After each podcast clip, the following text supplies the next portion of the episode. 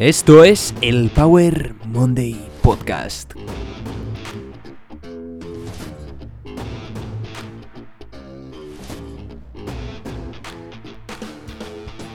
Bienvenidos a Power Monday Podcast, soy Pau, tu apasionado de fitness, motivación y ciencia y hoy te voy a hablar de ayuno.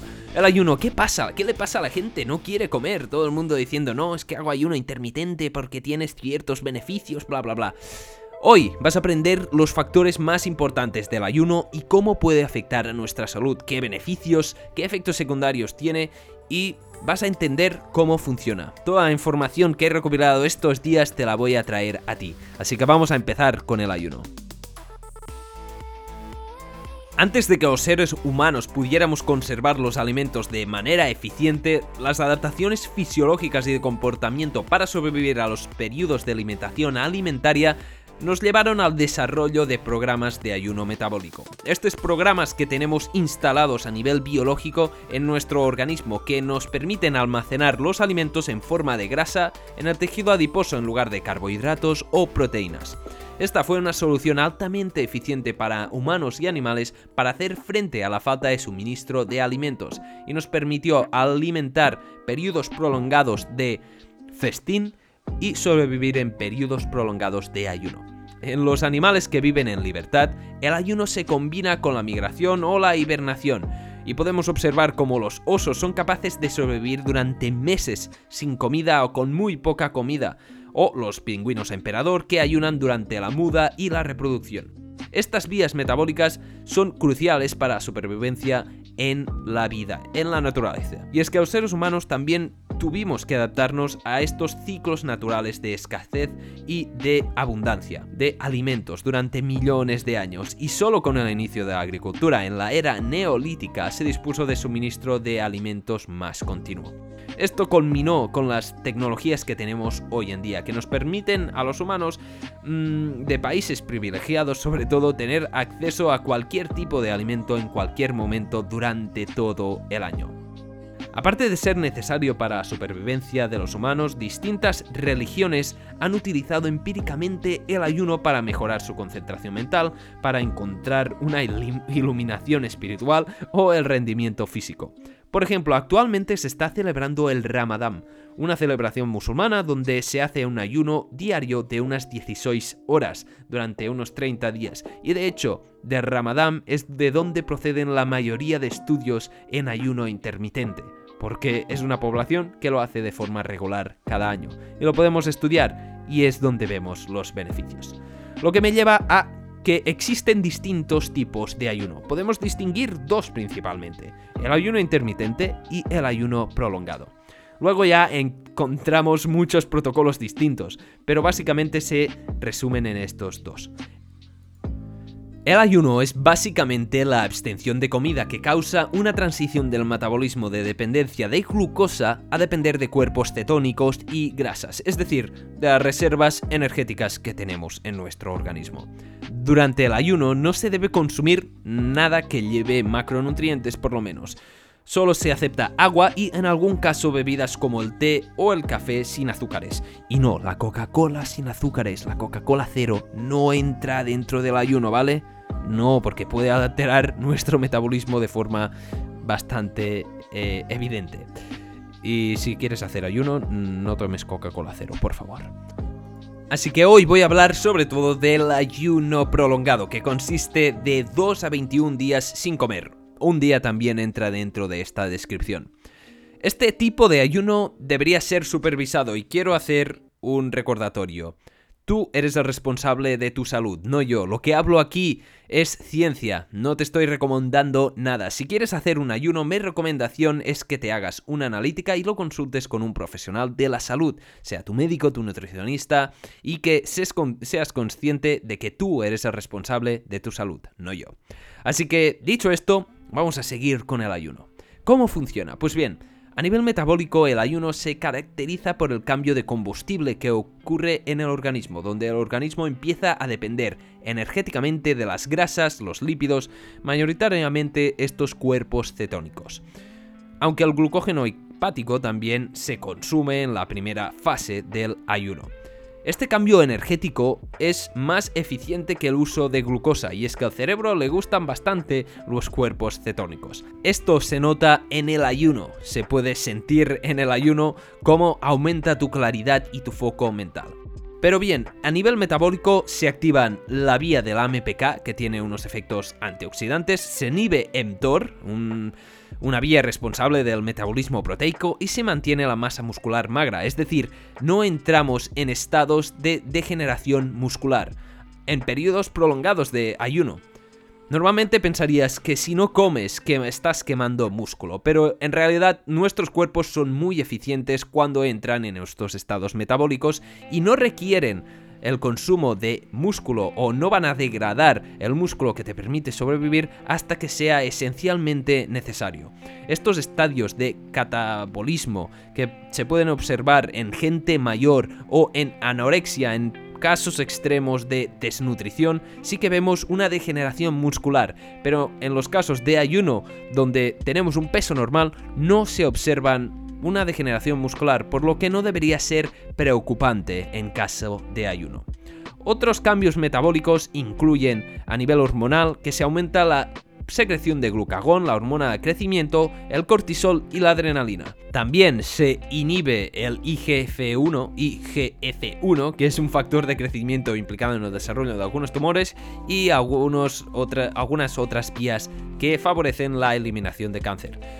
Una de las vías más importantes que se activa es la autofagia, ¿Qué es la autofagia? Pues bien, la autofagia es un proceso clave en el mantenimiento de la homeostasis, en un proceso en el que muchos componentes son degradados y reciclados a través de los lisosomas. Esto nos permite eliminar un poco la basura metabólica, por decirlo así con palabras muy sencillas, y nos ayuda a regenerar y a recuperar nuestro organismo. Muy resumidamente, estas son las vías que se activan en el ayuno.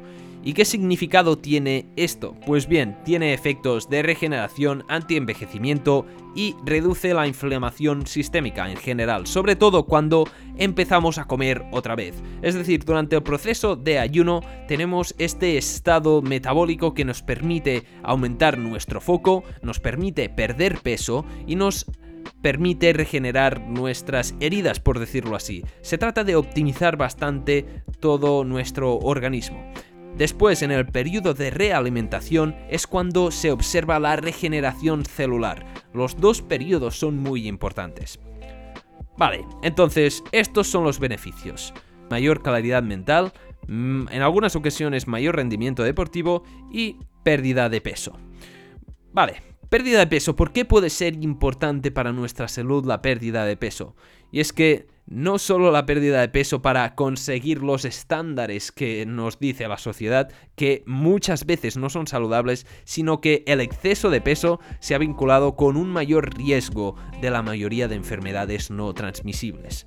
Por lo tanto, puede ser saludable entrar en los rangos... No puede ser, es saludable entrar en el rango de peso saludable, de peso. Por lo tanto, gente con sobrepeso o obesidad puede beneficiarse de pérdida de peso, pero gente que ya está en un estado de enorme peso, perder más peso solo le servirá para entrar en estos estándares de la sociedad de lo que se considera belleza, que muchas veces no es saludable. Con esto lo que quiero decir es que no estoy tratando de promover la anorexia ni ser muy delgado, ¿de acuerdo?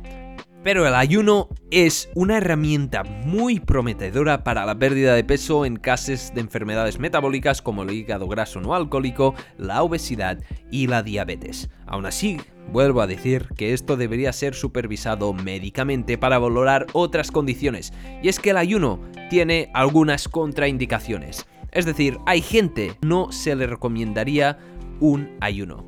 ¿En cuáles no está recomendado el ayuno? Pues bien, el ayuno está contraindicado en personas con un peso bajo, ya que llevaría la desnutrición, mujeres embarazadas o que están dando leche a sus hijos, gente de edades extremas como niños muy pequeños, gente muy mayor, gente en riesgo de desnutrición, gente con infecciones virales, gente con infecciones también bacterianas, gente con diabetes de tipos 1, está totalmente contraindicado, gente con piedras renales y gente con otras enfermedades. Así que hay que valorar cada caso.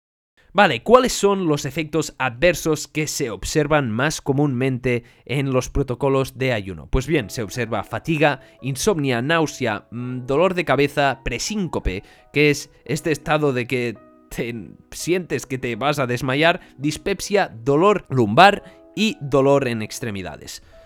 Aún así, los estudios nos demuestran que estos efectos adversos comunes se muestran en periodos prolongados de ayuno.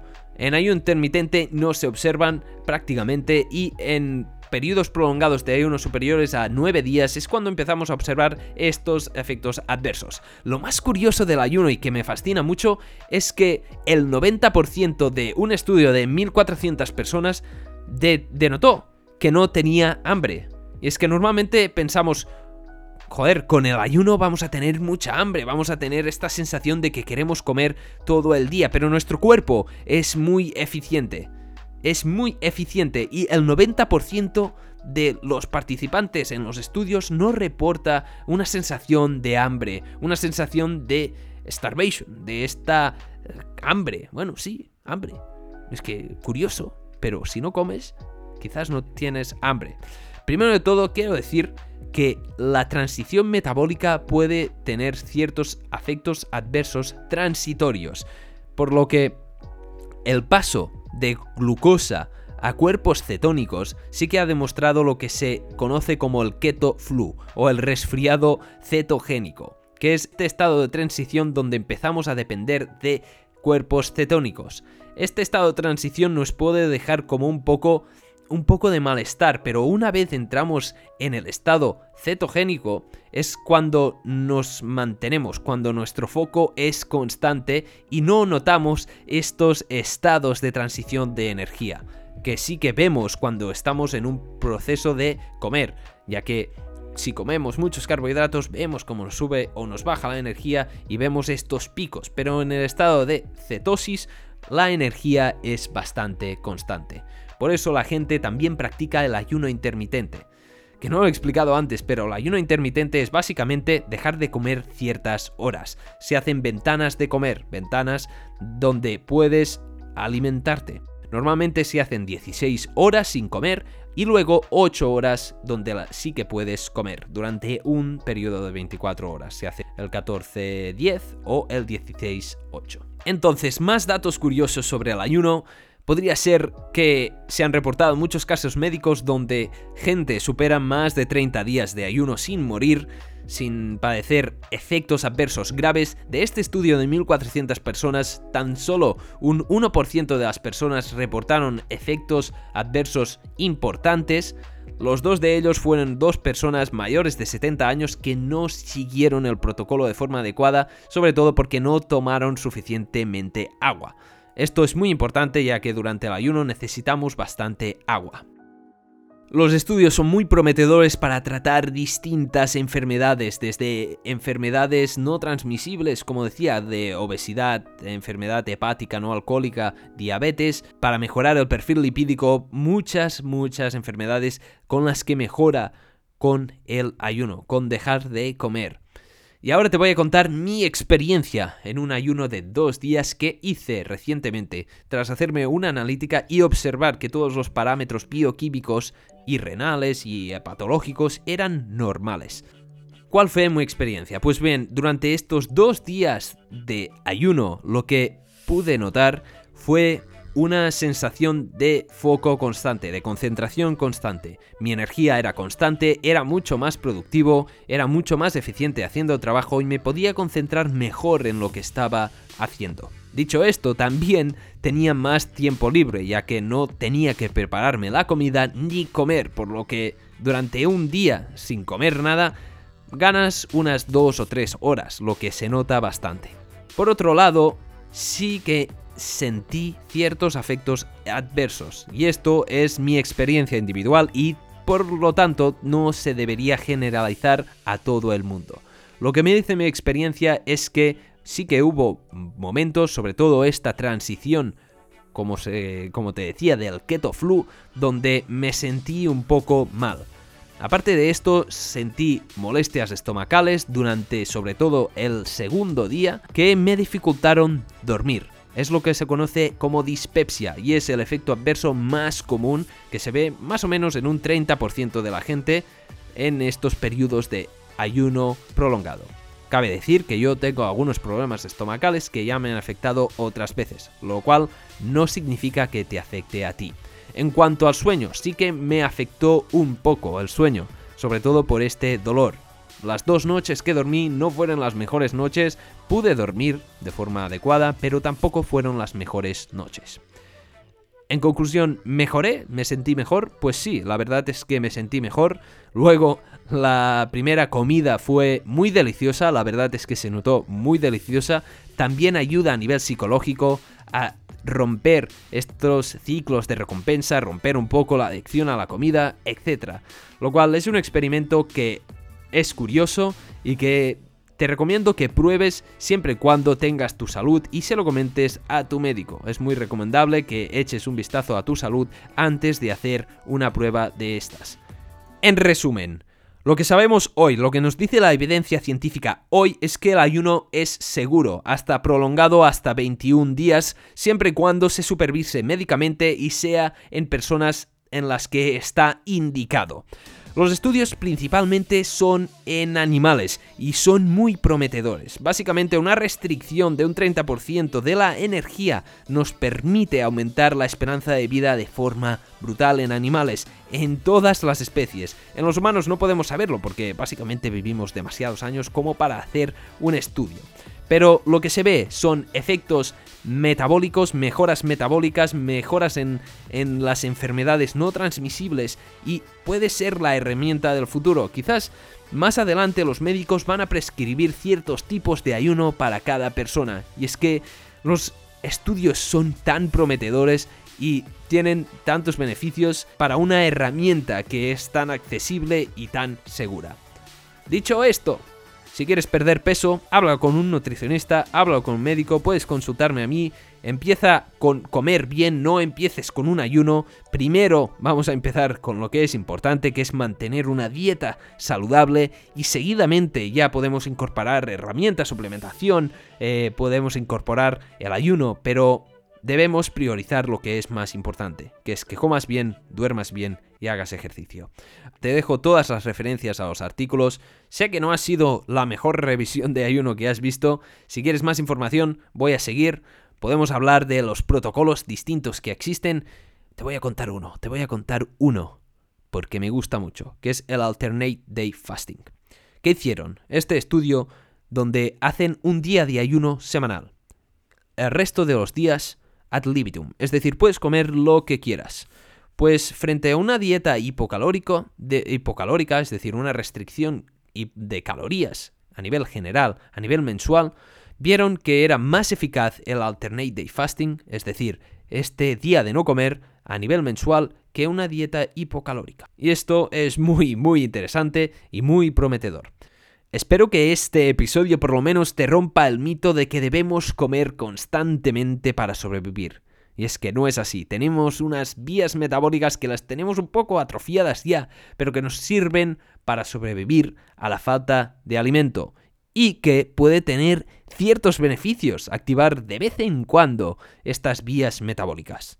Hacer ayuno para siempre obviamente no es viable porque debemos comer, pero hacer ayuno de vez en cuando puede tener unos beneficios increíbles a nivel de envejecimiento, de recuperación y de concentración. Y esto es todo por este episodio.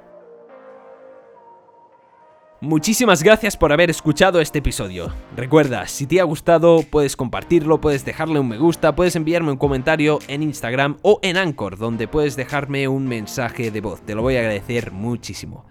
Recuerda, el ayuno es una herramienta potencial para el tratamiento de enfermedades no transmisibles, para la pérdida de peso, para aumentar la concentración, pero es una herramienta que debe ser utilizada basada en la evidencia y no así al tuntún, que porque tiene efectos adversos que puede perjudicar a nuestra salud sobre todo en periodos prolongados de ayuno. Podemos decir que periodos de dos días de ayuno son seguros, pero ya periodos más allá de tres días pueden ser un poco perjudiciales si no se supervisan médicamente.